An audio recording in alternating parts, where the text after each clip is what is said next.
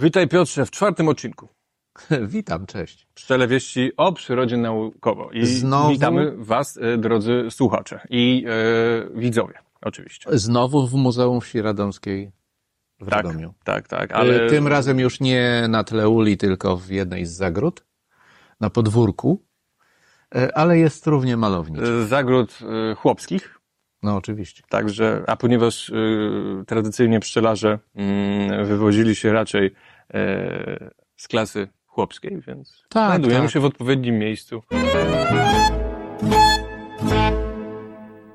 Pierwsze badanie, które No dzisiaj omawiamy po angielsku honeybees, ale apis cerana, tu jest ważne, Mhm. use animal feces as a tool to defend colonies against group attack by giant hornets. Animal feces. Tak, animal feces. Zechcesz to przetłumaczyć? E, no, gnój, e, żeby nie sięgać po, po bardziej dosadne słowa. A ponieważ Ale- e, są takie obrazki między innymi w tym badaniu, więc Tak. ja to przetłumaczyłem, jak pisałem na ten temat artykuł, e, kał w żuwaczkach pszczół. No tak, y, one niczym innym się nie posłużą, tylko żuwaczkami.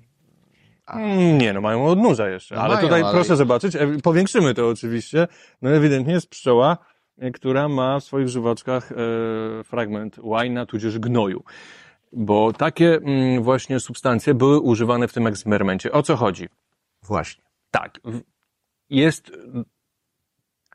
ewolucyjnie e, szerszenie e, koewolu, koewoluowa, koewoluowały razem z pszczołami. Jest wiele różnych gatunków szerszenia, które napadają w jakiś sposób na pszczoły, na różne gatunki pszczół z rodzaju apis, tak, które są społeczne. No i No u nas też to można zaobserwować. tak jest. I wiele już było badań na ten temat przeprowadzanych. Czy to na przykład nad pszczołami, mm, tak jak mm, Apis laboriosa czy dorsata, które mają plastry y, nieobudowane niczym. Wtedy one y, mają takie mm, społeczne, kolektywne zachowanie, że w takie, coś, ja to, mi to przypomina, szczerze mówiąc, chociaż żaden naukowiec nie wiedziałem, żeby to porównał do takich fal, które są na stadionie czasami piłkarskim. Tak. E, tak, robią To takie, podobne. tak, Mhm. robią takie fale i odstraszają w tym momencie jednego szerszenia.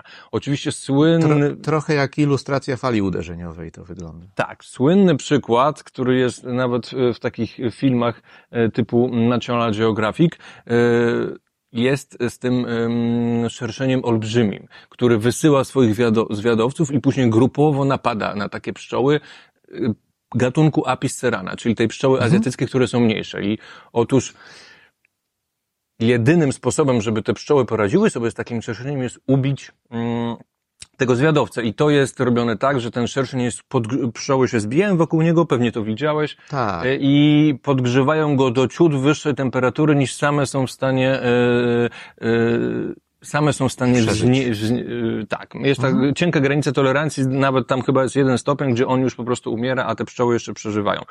I pszczoły na przykład, mimo że są większe, więc wydawałoby się, że mogą być silniejsze, tak, Tak. ale pszczoły mellifera właśnie nie radzą sobie z tego typu szerszeniem, prawda? I on bywa problemem, jeśli migruje na pszczoły apis mellifera, natomiast apis cerana ma ten mechanizm, który sobie radzi. No i oczywiście jest też taki szerszeń wetulina, który jest pewnym problemem teraz e, u nas w Europie, dlatego że aktualnie występuje między innymi we Włoszech i mm, Wielkiej Brytanii. No tam pszczelarze go zwalczają, dlatego że on właśnie atakuje pszczoły apis mellifera, które jeszcze no, nie nauczyły się go skutecznie zwalczać. Nie mają mechanizmu Tak, potrafi wytępić całą rodzinę.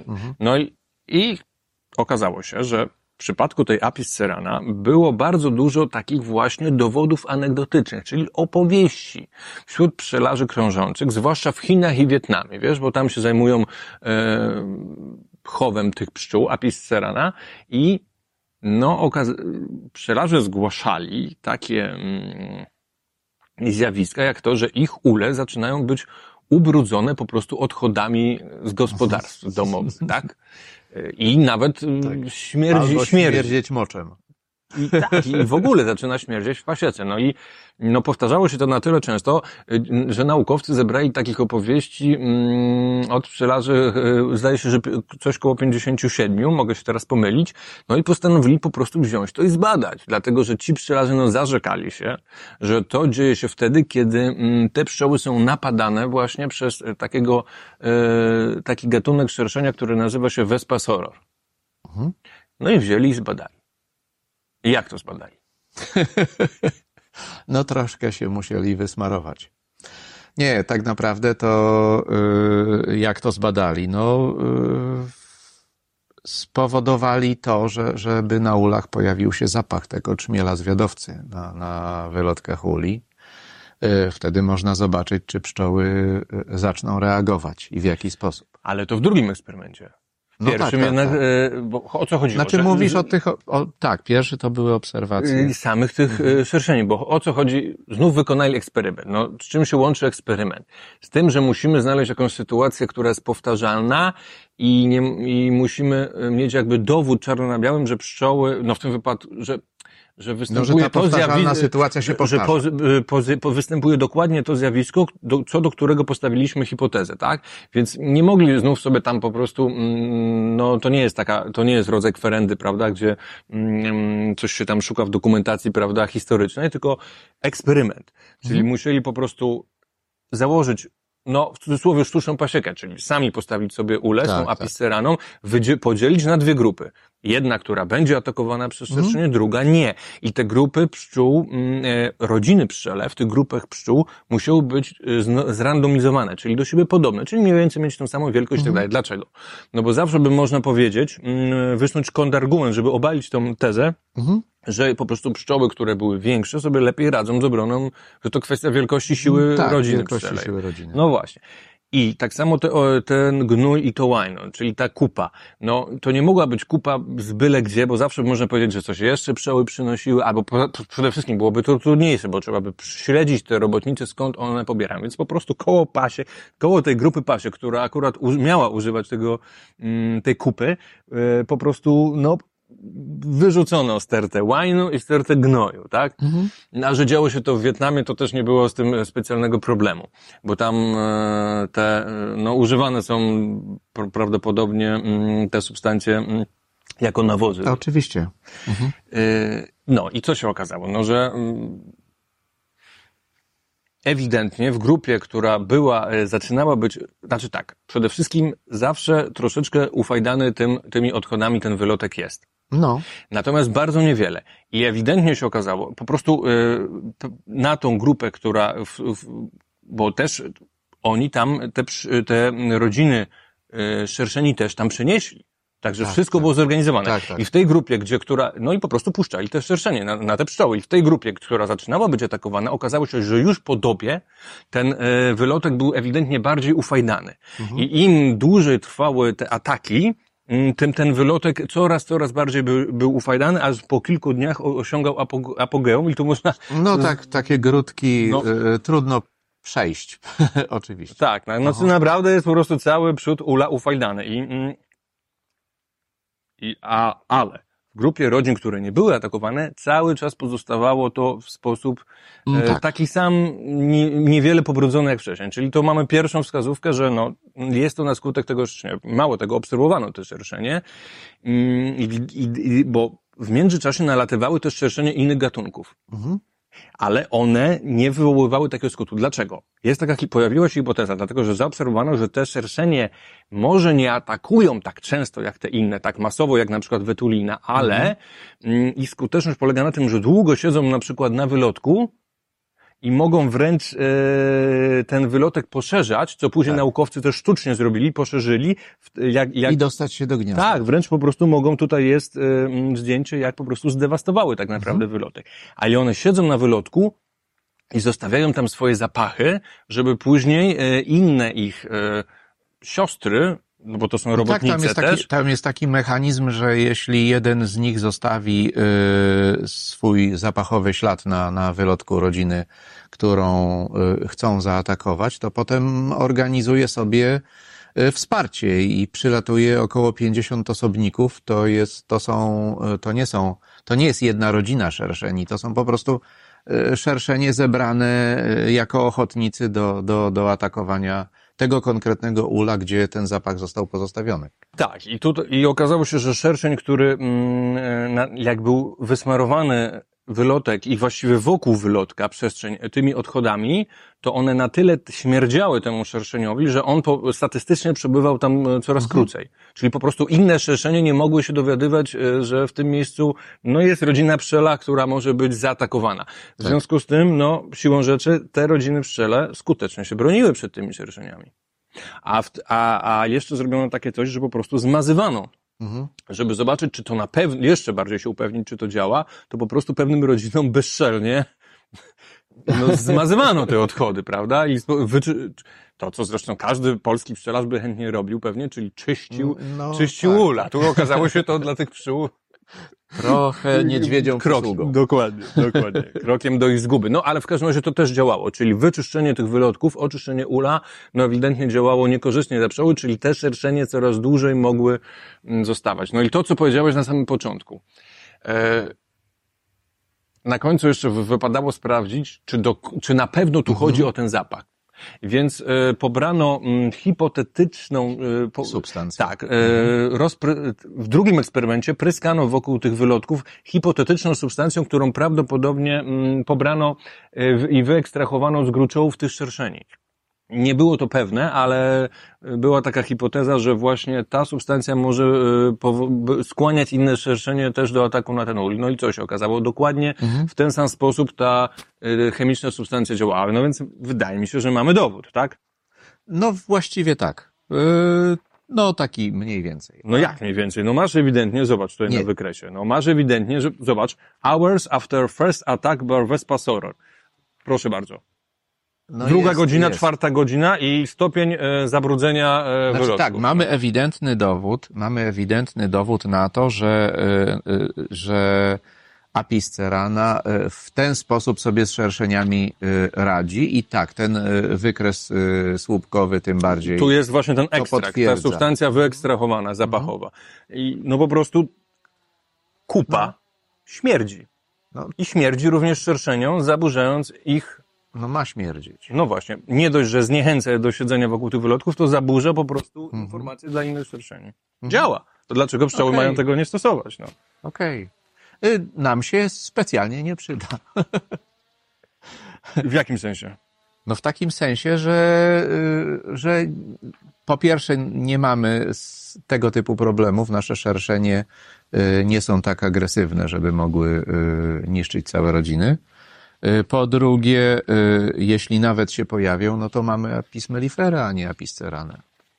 No tak, ale e, właśnie no, wspomniałem na samym początku, że wespa wetulina aktualnie atakuje mm, pszczoły Apis mellifera na przykład we Włoszech i Wielkiej Brytanii i są mm, na razie w Polsce jest za chłodno, ale klimat nam się ociepla. Są pewne przewidywania, które mm, mogą E, tak. wskazywać, że w przyszłości wespa wetulina również do, e, e, wejdzie do Polski, ale no, nie No, myślmy tylko tak narodowo, tylko myślmy naukowo, czyli międzynarodowo. To nie chodzi o Vespa vetulina, tylko Vespa soror. Ale każdy No. mechanizm, który zbadamy u pszczół, skąd wiesz, czy nie przyda nam się za 20 lat? O, jakoś sobie nie wyobrażam, że, że wyręczam moje pszczoły w ten sposób, że smaruję im wylotki odchodami. No, myślę, że do tego nie dojdzie, mam nadzieję. Eee, Ale no nie wiem, badanie jest badanie, no pokazało, co pokazało. Nie, nie widzę, e, nie widzę tu przełożenia na, na nasze pszczelarstwo, ale, e, ale fajnie, że dowiedzieliśmy się czegoś. dokładnie. Tak, Ja wychodzę z założenia, że badaj wszystko, Mhm. przyda ci się. Znaczy doświadczenie pokazuje, że i tak wszystko się prędzej czy później przydaje, ale No to prawda. s- sednem nauki jest po prostu ba- e, badanie dla samej ciekawości. Po to też, po to też my robimy te programy, żeby, e, żeby te informacje, wyniki tych badań pokazać, bo, bo one są nawet ciekawe. No i tutaj naukowcy y, mm, w abstrakcie i, i na końcu, w konkluzjach, y, mm, no i zresztą nawet w tytule, bo tool, tool, czyli narzędzie, nazywają to mm, Mhm. To narzędziem, czyli to, że jak pszczoły posługują się tymi odchodami, nazywają to narzędziem.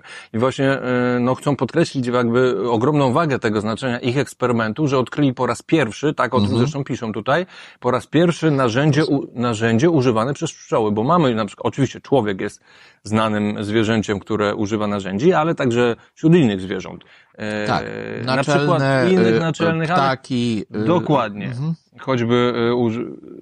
mm, nawet mm, Używają patyków tak, do, do tak, przysunięcia tak, dokładnie. No coraz więcej y, odkrywamy zresztą. I teraz ja tutaj, a tu z kolei nie mam pewnych wątpliwości co do tego, czy no, czy nie zostało to określone troszeczkę na wyrost, dlatego że narzędzie, z tego co się orientuję, definicja narzędzia jest taka, przynajmniej taka najbardziej powszechna, że nazywamy także y, zjawiskiem narzędzia wtedy, kiedy jest przekaz pozagenetyczny, czyli że na przykład młodszy, młodszy osobnik dowiaduje się czegoś od starszych, jak czegoś używać i zaczyna ich naśladować.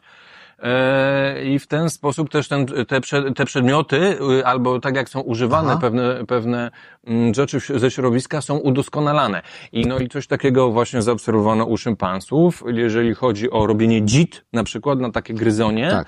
E, I no i oczywiście na przykład u ludzi. I, I teraz tutaj moim zdaniem to badanie nie poświadcza tego. On poświadcza, że używają rzeczywiście w sposób mm, tych odchodów e, sprytny, natomiast e, ja uważam, że nie wiadomo tego, czy to dowiadują się tego od swoich osobników, czy jest to po prostu e, instynktownie, genetycznie robione. Zgodzę się z Tobą, że badanie nie poświadcza, ale y, nie możemy powiedzieć, że nie, bo, bo powinniśmy jeszcze trochę poczekać z, z, tym, że, y, z tym stwierdzeniem, że to nie jest narzędzie. No ale w tytule razie- mamy, że to jest narzędzie. Na razie, na razie zostaniemy przy tym, że nie wiemy, bo, yy, bo to jeszcze będziemy przy innych artykułach yy, omawiać sytuację, kiedy nawet między owadami jest sytuacja taka, że, że yy, jedne osobniki potrafią się zachowań uczyć od innych. Ja tu w tym momencie przykładów nie dam, ale, ale to się nam pojawi i wtedy możemy do tego wrócić. Piotrze, ale twoja krytyka jest tutaj bez tego, co ja powiedziałem, bezzasadna. Dlatego, że ja o niczym innym nie powiedziałem, tylko że nie wiemy, ale naukowcy napisali, Tak, że tak, tu. tak. Czyli dyskutuję tylko z tym, że oni napisali, jakbyśmy wiedzieli. Dobra, dobra. Nie, także tak jak mówiłem, no po prostu w naukach biologicznych nigdy nie mamy stuprocentowej pewności, natomiast no wydaje mi się, że zostało to słowo tool troszeczkę użyte jako mm, słowo przyciągające do tego badania, które ja, którego ja osobiście jestem, w końcu go wybrałem, Mhm. jestem fanem, mm, uważam, że jest świetne. Pokazuje nowy, ciekawy mechanizm i tego, i to, że jeżeli pozwolimy pszczołom działać, to w długim okresie czasu mogą opracować świetne sposoby na radzenie sobie z przeciwnościami Ha, w środowisku.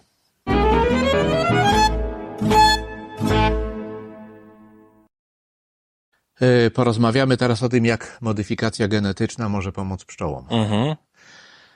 Udało się naukowcom z Teksasu wzmocnić odporność pszczół y, i ograniczyć ich patogeny, możliwość wzrostu tych patogenów, właśnie dzięki modyfikacji genetycznej bakterii Snodgrassella alvi.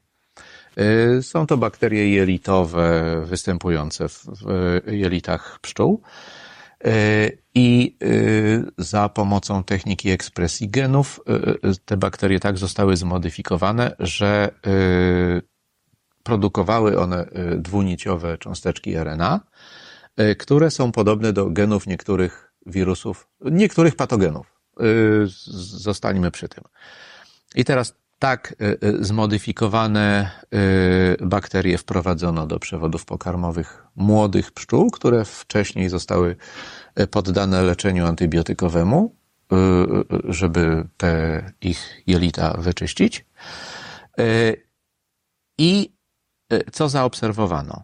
No więc zaobserwowano y, zwiększoną odporność na wirusy, Y, Badano też, y, badano też, y, jak zachowuje się y, roztocz, dręcz pszczeli y, w sytuacji, kiedy y, żeruje na takich pszczołach y, i też stwierdzono, że y, żyje krócej.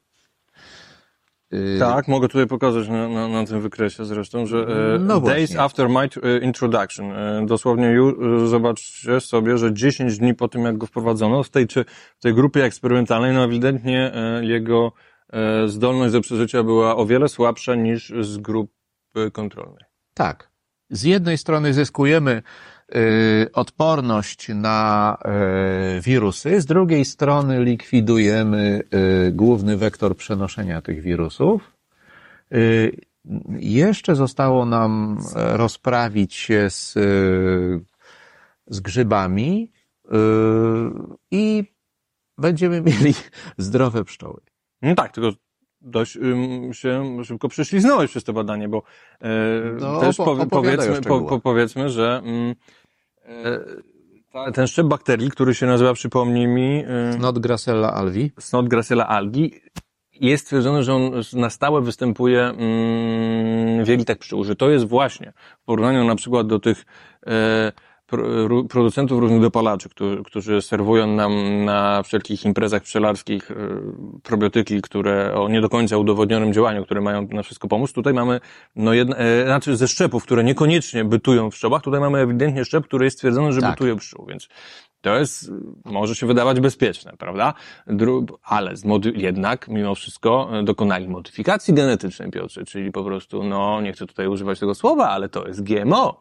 E, Tam wprowadzili, po, e, zaprojekt, te bakterie sztucznie, e, te bakterie sztucznie zaprojekto- zaprojektowali. Wprawdzie, oczywiście, to dwuniciowe RNA, o którym tylko trochę tak trochę wspomniałeś. No, Rzeczy, tak. Rzeczywiście ono, to nie jest tak, że oni to odkryli. Ono, to już dawno wiadomo, że mm, że to, że te, te cząsteczki dwuniciowego RNA, one powodują generalnie mobilizację układu odpornościowego. No tylko, że to się dzieje naturalnie u innych organizmów. Natomiast mm, tutaj mamy sztuczną innowację i teraz całym ich pomysłem jest na to to, że ponieważ te bakterie natura, bytują naturalnie w jelitach pszczół, więc że gdyby się to tak w, w przyszłości snują taką perspektywę, że gdyby to wprowadzić, to być może e, jak, w jakiś sposób pomoglibyśmy populacji pszczół, czyli z tym, co sobie pszczelarze no, najczęściej nie radzą, czyli na przykład z odpornością na oczywiście na dręcze pszczelego, o czym już mówiliśmy poprze, na poprzednim odcinku. Właśnie. Na, e, znaczy w, w, w, dwa odcinki wstecz Dwa odcinki oraz wstecz. e, na zjadliwego wirusa, który jest głównym problemem e, wirusowym na świecie aktualnie, czyli wirus deformowanych szył, bo,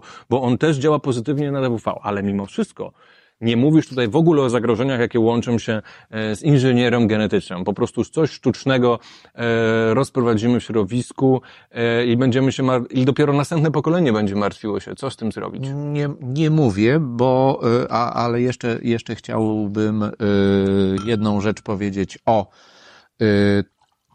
o tym, w jaki sposób te dwuniciowe cząsteczki RNA mm, walczą z patogenami, więc po, polega to na, y, na interferencji genów, tak to y, nazwano.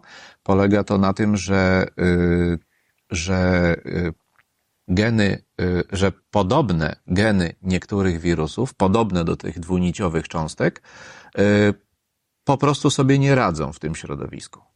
Mm, Jeśli, y, jeśli jedne y, spotykają się z drugimi i są podobne, to te dwuniciowe wygrywają. Y, Tak bym to określił laicko bardzo, ale, no ale czasami tak to, takie przybliżenie można też zrobić.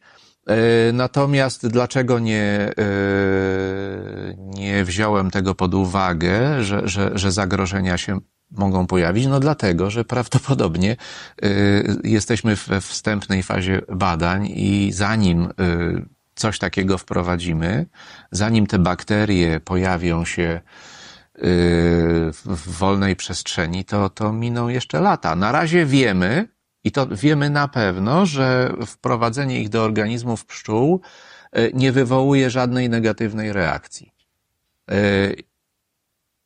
Wywołuje natomiast pozytywną.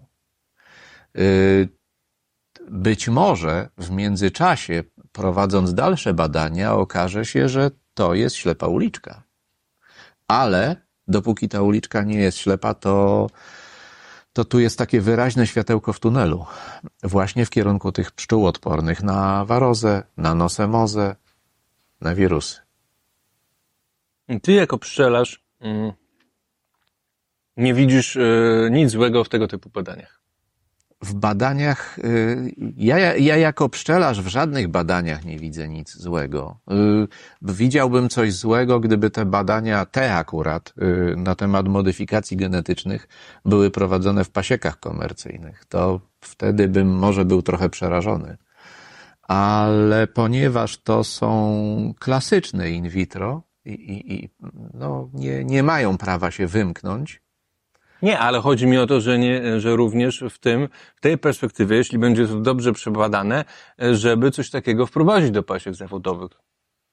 Jeśli to będzie Na razie, nie, na razie rzeczywiście nie widzę zagrożeń. W tym momencie nie widzę zagrożeń. Dobrze, dzięki. Przechodzimy do następnego badania. Dzięki.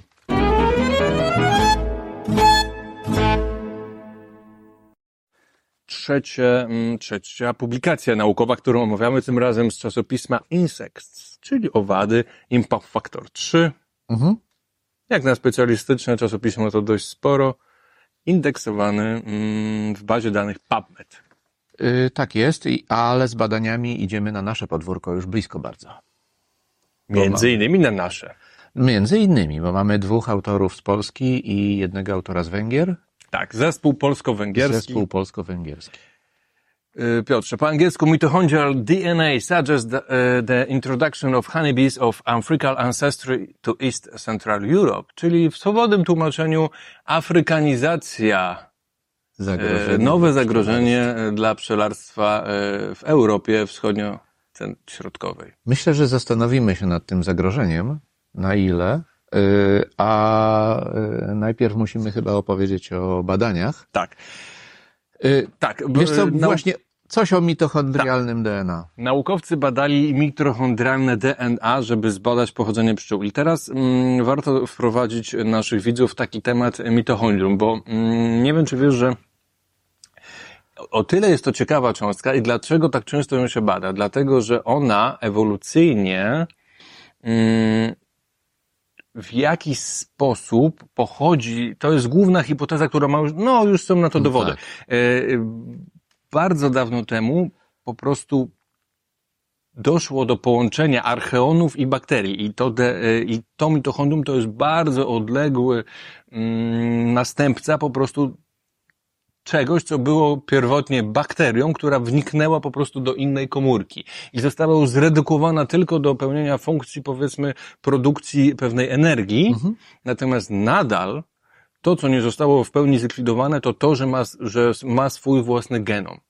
No ma właśnie. swój własny genom, czy- czyli w odróżnieniu od genomu mm, jądrowego, Jądra który, który po prostu ulega, y, ulega rekombinacji pod wpływem krzyżowania się też, czyli na przykład u ludzi Mhm. e, zawsze jądrowe, e, jądrowy genom dziecka jest wynikiem, prawda, to wiadomo, krzyżowania się Tak. genów ojca i matki, natomiast nie. W mitochondrialnym zawsze dziecko ma tylko y, po matce. Mhm. I z tego powodu, że jest dziedziczone tylko matrylinear, matrylinearnie, czyli po linii e, żeńskiej można powiedzieć, e, to jest e, bardzo konserwatywne. Tak. Nie podlega tak Zachowuje swoje pochodzenie, nie dzieli się, nie łączy. mm, Oczywiście podlegają, ulega tam mechanizmom Jasne. mutacji i tak dalej, natomiast dużo mniej niż ten jądrowy i dlatego e, badając to mitochondrium łatwo zbadać pochodzenie mm, pochodzenie na przykład pewnych linii pszczół, tak jak tutaj, i nawet dojść do, do, łatwiej do wspólnego przodka, oczywiście po, tylko po linii żeńskiej. Jest taki słynny projekt e, badawczy genetyczny e, dochodzenia do tak zwanej mitochondrialnej Ewy. Tak. No i właśnie, i dlatego bada się to. No i ci nauko, ten zespół polsko-węgierski przebadał w Rumunii, na Węgrzech i w Polsce ponad 4, dokładnie 400, pobrał 444 próbki pszczół, z czego po odseparowaniu tych, które wydawały się, że są e, robotnicami tych samych matek, zostało 427, tak? Tak, 427. Yy, powiedzmy jeszcze, zanim opowiemy o wynikach tych badań, że, yy, że ze względu na DNA mitochondrialne mamy yy, pięć gatunków różnych typów pszczół, gdzie yy, typ M to jest Apis mellifera mellifera, czyli pszczoła środkowoeuropejska. Ten nasz w Polsce główny rodzimy. Tak. Typ C łączy karnikę i ligustykę, yy, czyli pszczołę kraińską i włoską. Linie afrykańskie to jest typ A. I jeszcze typ O, czyli linia bliskowschodnia orientalna. Tu jest takie fajnie drzewo, drzewo, e, jak są od siebie zależne te linie właśnie. To myślę, że udostępnimy naszym widzom, e, jak one się mieszają. No. I one między innymi, i wśród nich jeszcze są pewne podtypy, i one między stanowią e, o, mm, no, o biur, bioróżnorodności e, pszczół mm, Na danym terenie. w ogóle na świecie, Na globalnej świecie. Mhm. bioróżnorodności. To znaczy tam, gdzie te pszczoły e, długo ewoluowały, no to w jakiś sposób są dostosowane. Oczywiście, i to, e, jeśli chodzi o fizjonomię pszczół oczyatamiony, to głównie wpływa na to jądrowe.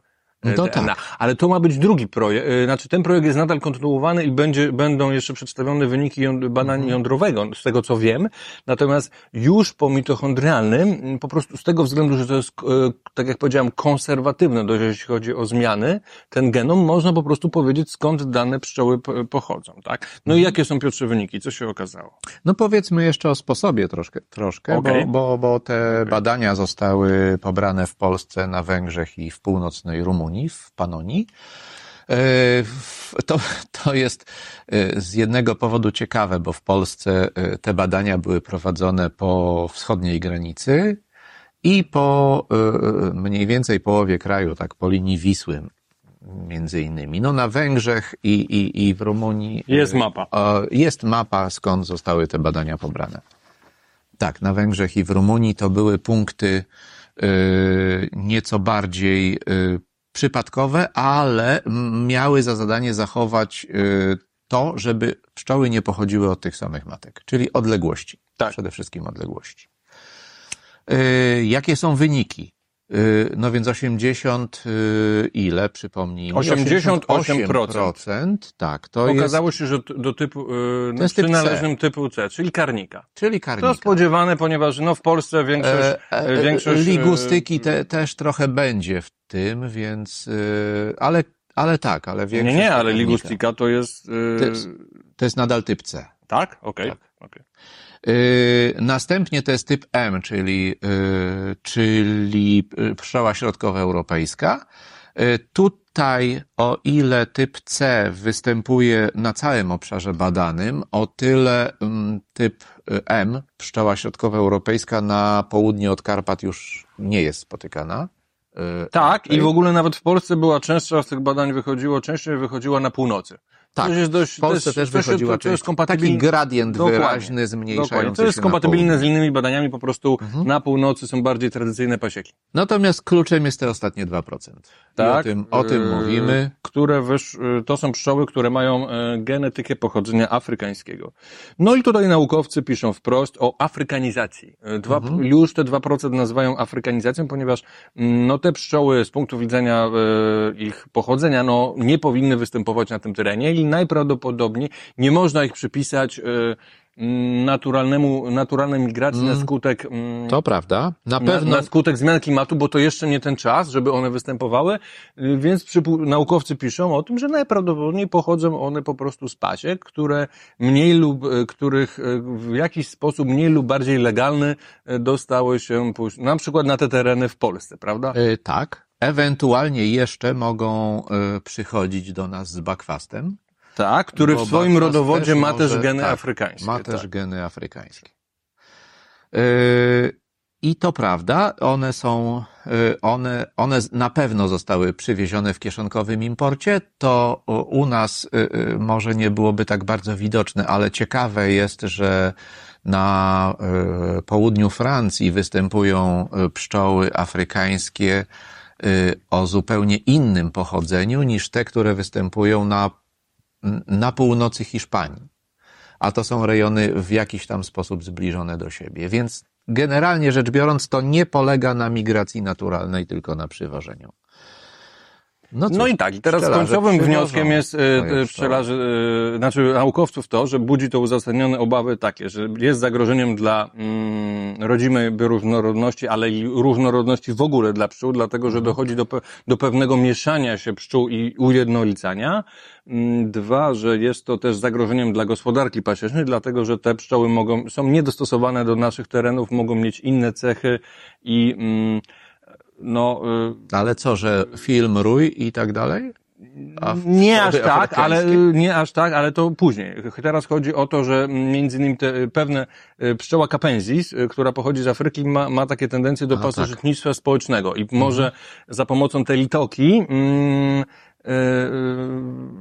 y, te litoki, czyli mo, y, mogą też y, budować mateczniki i ostatecznie y, wyprodukować matkę pszczołą tylko mm, y, bez zapłodnienia, bez tak? Bez zapłodnienia. zapłodnienia i mogą atakować jakby in, przy, robić uzurpację, przejmować inne gniazda, gniazda pszczele, co no nie będzie dość dobre dla e, produkcji miodu, na czym głównie zależy przecież pszczelarzom. E, ale przede wszystkim nie są dostosowane, czyli nie są dostosowane do naszych na przykład warunków zimowych, do naszych patogenów, do naszych, do swojej, do mikroflory pożytecznej dla pszczół. Mm, No i jeszcze właśnie to, co wspomniałeś. Tak, budzą te zagrożenia, mogą budzić obawy dla zagrożenia publicznego, dlatego że pszczoły zafrykanizowane, jak pokazał przykład z Brazylii, jeśli się mm, w jakiś sposób mm, zmieszają z lokalnymi, e, z lokalnymi pszczołami, może dojść do takiej mieszanki, która będzie dość mocno agresywna i może, at, e, może również bardziej atakować ludzi. Może nie tak jak w filmie Rój, no ale jednak może budzić to, według naukowców przynajmniej, piszą o uzasadnionych obawach dla zdrowia publicznego i końcowym wnioskiem jest ta, to, że Piotrze, trzeba po prostu e, w przyszłości mm, lepiej kontrolować te pszczoły. Mm. Lepiej kontrolować import pszczół. Y, Kontrolować na pewno tak. Tu się zgodzę. Tylko y, chyba nie, y, nie zabierzemy pszczelarzom możliwości, y, nie wiem, korzystania z pszczół na przykład backfast. E, A tutaj nie zmienimy już tej sytuacji, że one te, te cechy pszczoły afrykańskiej mają. Ale z drugiej strony, no, są bezpieczne. Przecież No Piotrze, no, funkcjonują w Europie już od dawna. No, no o tyle nie są bezpieczne i są poza kontrolą, dlatego że w Polsce nie ma e, jakiegoś standardu hodowlanego dla pszczoły backfast. Co No co nie ma. Piszą o, ale nie no. Piszą o tym naukowcy, że w tych rejonach nie ma i, i dlatego no nie można, e, po prostu hodowcy nie mogą po prostu kontrolować tej pszczoły i dla, no to, że występuje, to nie znaczy, że można, nikt nie mówi o tym, żeby całkowicie wyplenić Polskę z backfasta, ale żeby w jakiś sposób bardziej kontrolować te pszczoły i przyna, i na przykład nie sprowadzać nowych. Mm, A już tym bardziej może- nie bezpośrednio z, z, z Afryki. Y, To, tu się zgodzę. Y, Tu się zgodzę. No, y, rzeczywiście może, może gdzieś tam pójść za daleko, y, ale wiesz, druga strona, rozmawiamy o badaniach. Badania są prowadzone w, w różnych, spieraliśmy się już, już w wielu miejscach, czy badania prowadzić, czy nie prowadzić. Jeśli wiemy wszystko o, o, o pszczole, a tej zafrykanizowanej z Brazylii, no okej. Y, Ale ona też y, daje pewne nadzieje, y, y, chociażby w walce z warozą teraz na, y, w, y, Ameryce Środkowej. I też y, y, wiąże się to z pewnymi, y, z pewnymi pożytecznymi cechami.